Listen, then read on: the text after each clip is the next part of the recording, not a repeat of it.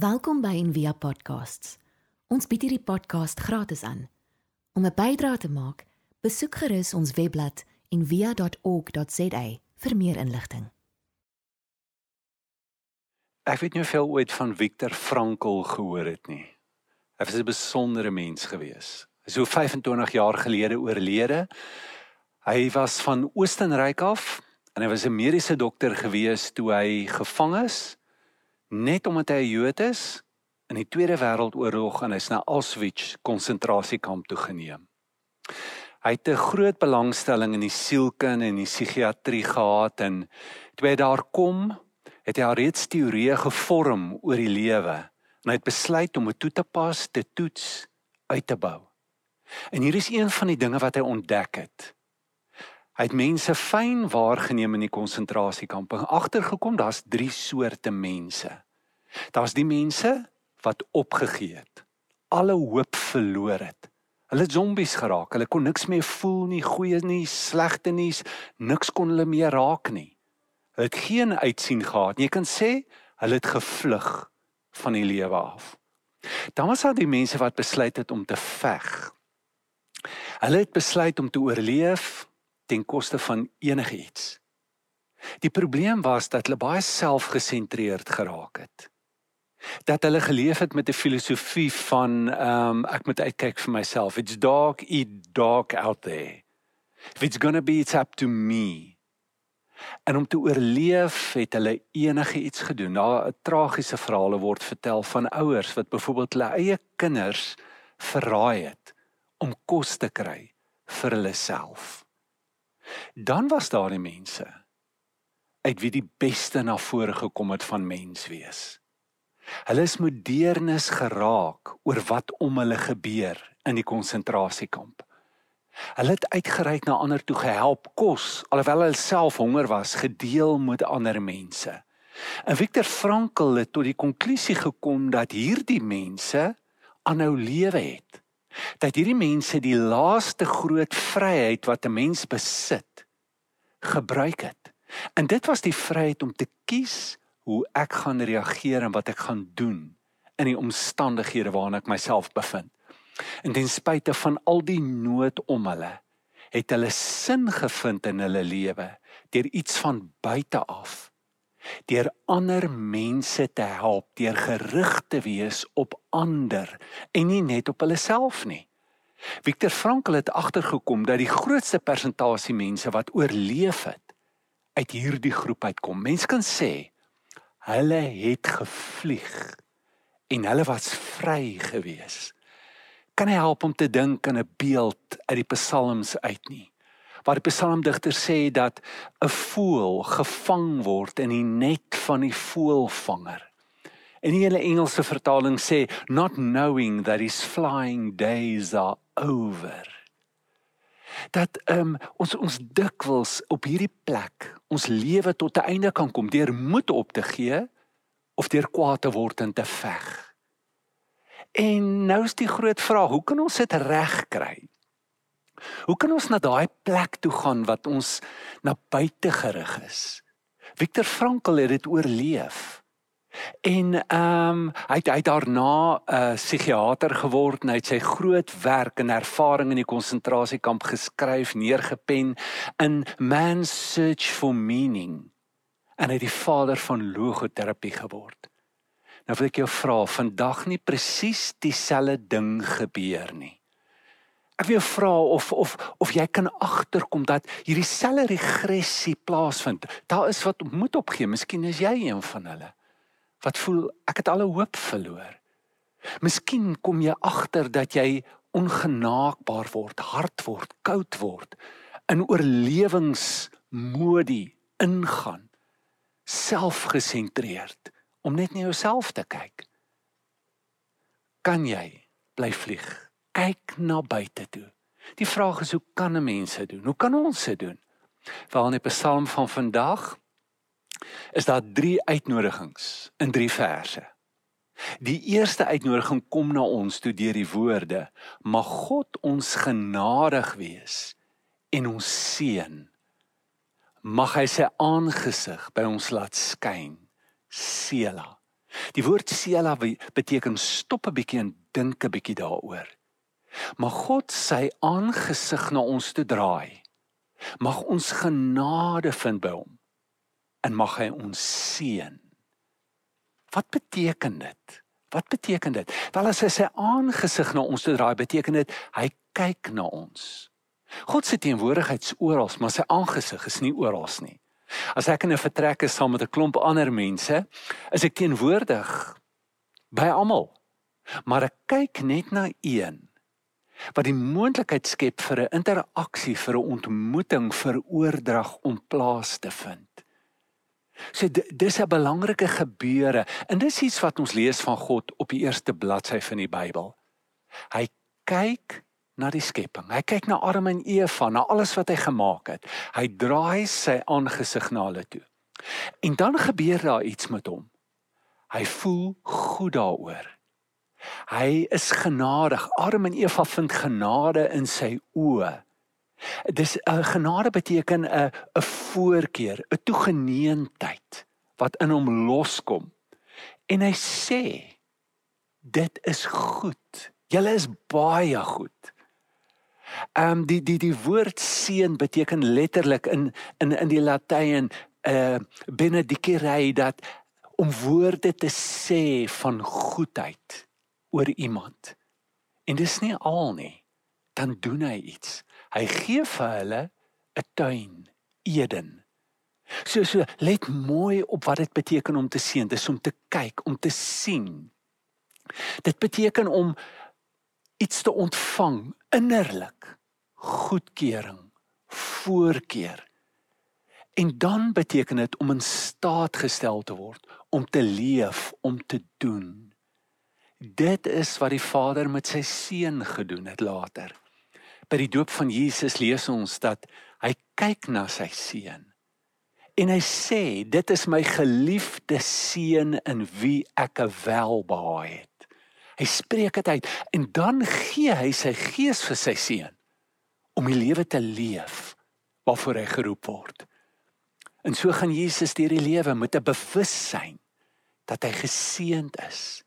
In sy boodskap is deur my koms het daar genade gekom.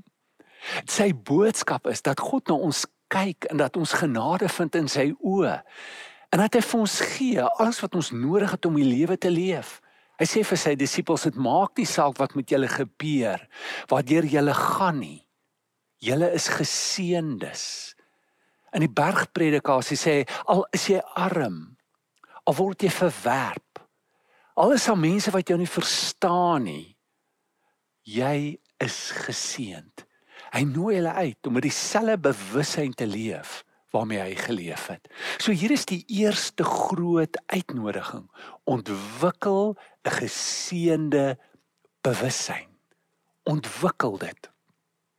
Hy ontwikkel dit deur te luister, deur sy aangesig te soek. Deur die ervaring te hê dat God na jou kyk en by jou is. Luister na die stem wat vir jou sê jy's sy geliefde kind. Romeine 8:16 in die Living Bible sê God speaks to us deep in our hearts and tells us we are the children of God.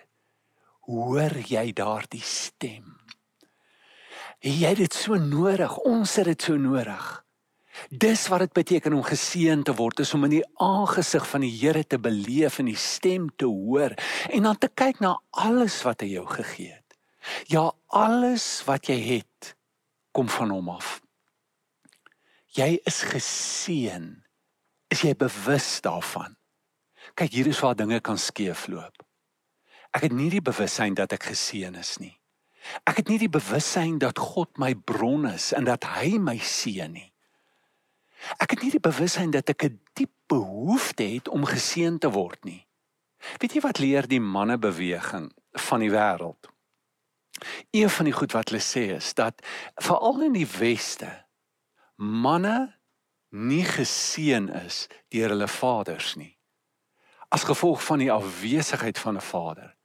As gevolg van 'n vader wat nooit genoeg belang gestel het om te sien wie jy is en vir jou te sê jy is goed en jy's welkom hier nie. is daar 'n groot leemte en 'n pyn wat ons nie van weet nie en wat ons nie verstaan nie. In die mannebeweging leer dat die manne se obsessie in die weste oor hulle werk en oor seks toegeskryf kan word aan die feit dat hulle nie geseën is nie. Wat doen ons met hierdie pyn?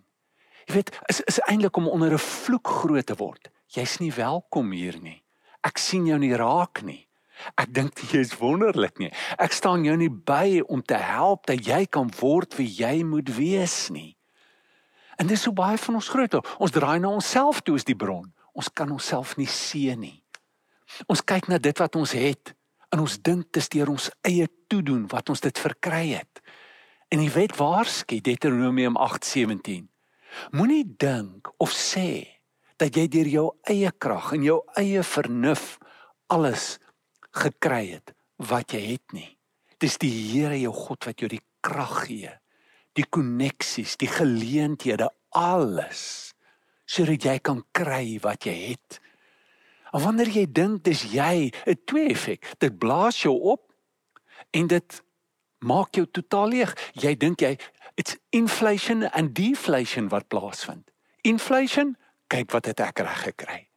Ek kan nie glo die ander mense is so dom nie. Hulle is lui, hulle wil nie werk nie. Hulle neem geen inisiatief nie. As hulle dit net doen, kan hulle ook weet wie ek is. Opgeblaase.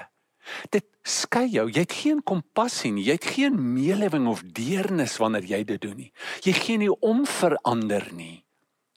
En en en dan is daar die die die totale leeg word, die mismoedigheid. As ek my eie bron is, is ek benoud. Ek's bevrees, waar hoe gaan ek dit reg kry? Gaan ek ooit genoeg kry? Dit lei tot 'n skaarste mentaliteit. Ander mense vat dit, hulle kry dit, ek kry dit nie. Ek is jaloers, ek is verneig, ek is bitter. Soos 'n groot ontsporing wat in die innerlike wêreld plaasvind. As jy kyk na jouself op 'n verkeerde manier, as jy God minag en nie God sien vir wie hy is nie, is die groot uitnodiging. Kyk na hom as jou bron. Hy seën jou. Raak bewus, hoor die stem in jou. Jy het 'n diep innerlike behoefte wat deur niks of niemand anders ter vervul kan word nie. Jy moet die stem hoor. Jy's okay. Hy hou van jou. Hy's met jou. Ek gee vir jou. As ons let op hierdie tyd en die potensiële inkomste wat ons verloor, gaan ons mismoedig geraak. As ons let op wat ons nie kry nie, as ons let op wat ons het en wat ons besig is om te kry, ontwikkel ons die bewussyn dat ons geseënd is. Die tweede groot uitnodiging lê in die woorde sodat die mense op aarde u weg kan ken onder al die nasies u heil sodat so die woord is die Here sal sy aangesig oor jou skyn Jy kry genade in sy oë. Hy seën jou. Hoekom? Sodat die nasies, ander mense die weg van die Here kan ken. So jy word nie geseën om geseën te wees nie. Jy word geseën om ander te seën. Jy word nie geseën om gemaklik te wees nie. Jy word geseën om te gee, om te deel. So die uitnodiging is gaan verder met jou lewe. Verby jouself. Moenie vasval in 'n selfgesentreerde lewe nie. Gaan verder. En hier ons ons vind sirkels van die wêreld waarin ons leef en waarmee ons kan verder gaan. En en is natuurlik so in lyn met die hele lering van die Nuwe Testament dat dat jou verantwoordelikheid in die eerste plek lê by jou huishouding. En dan gaan dit na die familie toe en dan die uitgebreide familie. Dit gaan na die stam toe. Dit gaan na die volk toe, dit gaan na die nasie toe, dit gaan na die mense van die wêreld toe. Nou hierdie vlakke van 'n groter inklusiwiteit waarin ons leef en waarvan ons deel is, is nie iets wat outomaties met 'n mens gebeur nie. Dit hou verband met natuurlike groei en ontwikkeling. Piaget, die ontwikkelingssielkundige Franse ontwikkelingssielkundige het geleer en sê dat die eerste fase van ontwaking en ontluiking in 'n mens se lewe is daar as daar objek konstantheid tot stand kom. Met ander woorde, ek besef ek, daar's 'n ek. En dit gebeur vroeg, voor 18 maande kom dit tot stand. Dan ontwikkel jy en jy gaan verder na eerste persoon konstantheid toe. Ek, jy, o, daar's iemand anders. Gewoonlik is dit jou ma wat jy eerste van bewus raak is ook 'n mens, is ook 'n ek, voel ook, dink ook, maar dit is nog baie 'n sterk egosentriese bewussyn om mee te leef. Sy's daar vir my, maar dan ontwaak jy vir 'n sosio bewussyn kom tot stand. Maar sien net sy nie. Daar is 'n ons. Ek het 'n pa, ma, boeties, ander mense in nie, waarvan ek deel is in hierdie lewe. En dan gaan dit verder. Ek ek ek ek ek's deel van 'n stam. Ek het 'n kultuur waarvan ek deel is. So baie van ons hak vas. Ons groei nie verder na groter inklusiewe menswees toe in bewussyn nie. Maar dan is daar ook die hulle. Dis nie net die ons nie, dis die hulle. Nou baie keer is die hulle die onbekendes, die vreemdelinge. Ons demoniseer hulle baie keer. Hulle is agter ons aan. Hulle wil alles hê van ons. Hulle wil alles vat van ons. Hulle steen ons. Hulle is ons vyande. Nou dink in die lering van Jesus dat ons moet verder gaan.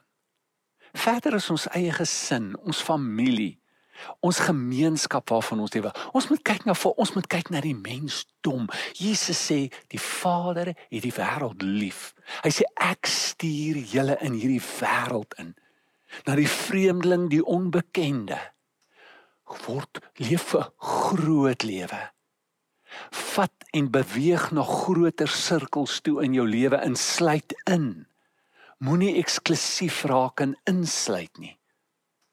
Nou wonder ek in hierdie COVID kamp, konsentrasiekamp waar ons is. Asof baie van hierdie regressie wat nou plaasvind, en vind dit nie plaas nie, in skielik in die in rasisme wat opleef. In kriminele aktiwiteit wat opleef Skielik is dit asof mense dink, maar ons stam is die beste. Die ander is boos, die ander is sleg, ons moet ontslaa. Hoekom nou dit nou skielik? Is dit nie 'n regressie wat plaasvind? In plaas van om die sirkel groter te maak, maak ons hom kleiner. En ons sluit ander uit en ons leef net vir onsself. Maak dit oop, maak dit groot. Dis die uitnodiging. En Viktor Frankl se bevinding was, dis vir jou eie geestesgesondheid. As jy dit doen, kry jy sin, word jy losgemaak van die knope van 'n selfgesentreerde lewe. Dis hoe Jesus geleef het aan die kruis op sy einde. Kyk en hy bid net sy Vader, vergewe hulle want hulle weet nie wat hulle doen nie. Hy gee om vir sy vyande. Hy kyk na sy ma en hy vra vir sy ma gaan bly by Johannes. Hy vra vir Johannes, Johannes, ek weet jou huis is vol. Maar kan jy plek maak vir my ma? kan dit jou ma word. Kan jy asseblief na kyk? Die bewussyn, die omgee van die nood van ander terwyl hy self in die diepste nood in sy lewe is. Laaste uitnodiging. God sal ons seën. Die volke sal U loof.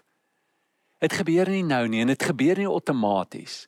As jy die getuie is en as jy deel die seën wat jy het met ander nie.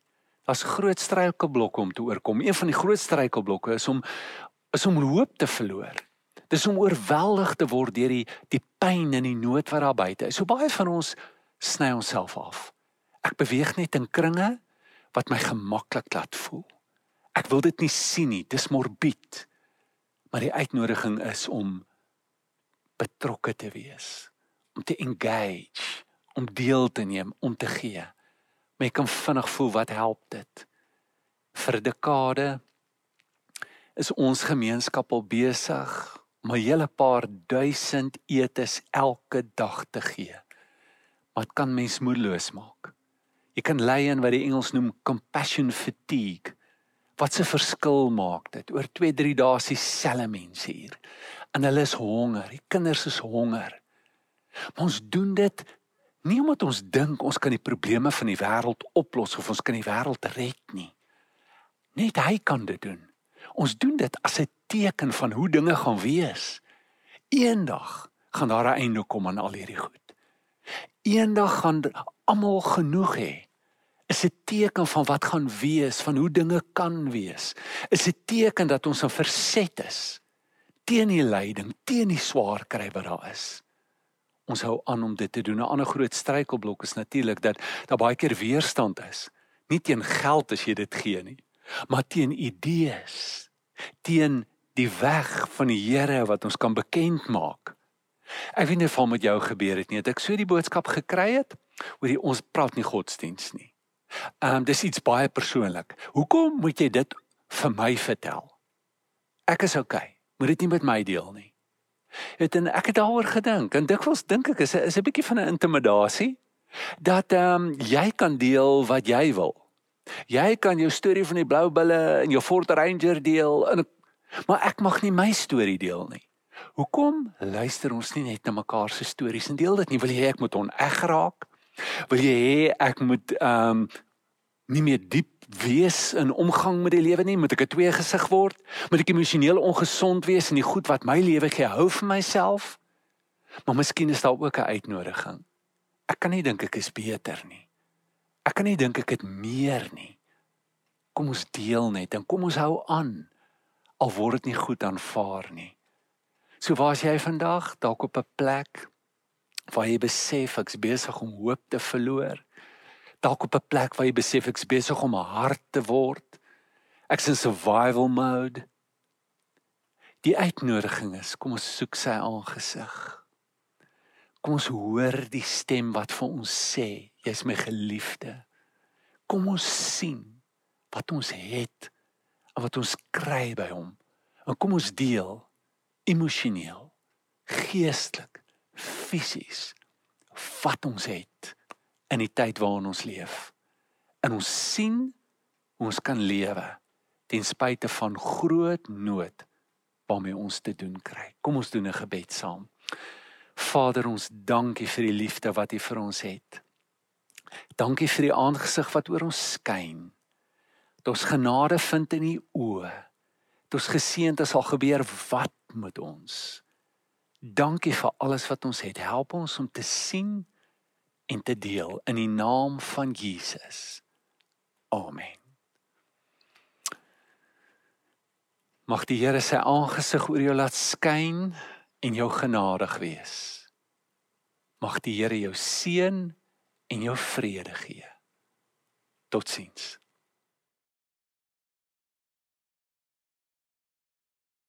Ons hoop van harte jy het hierdie podcast geniet of raadsaam gevind. Besoek gerus en via.ok.za vir meer inligting.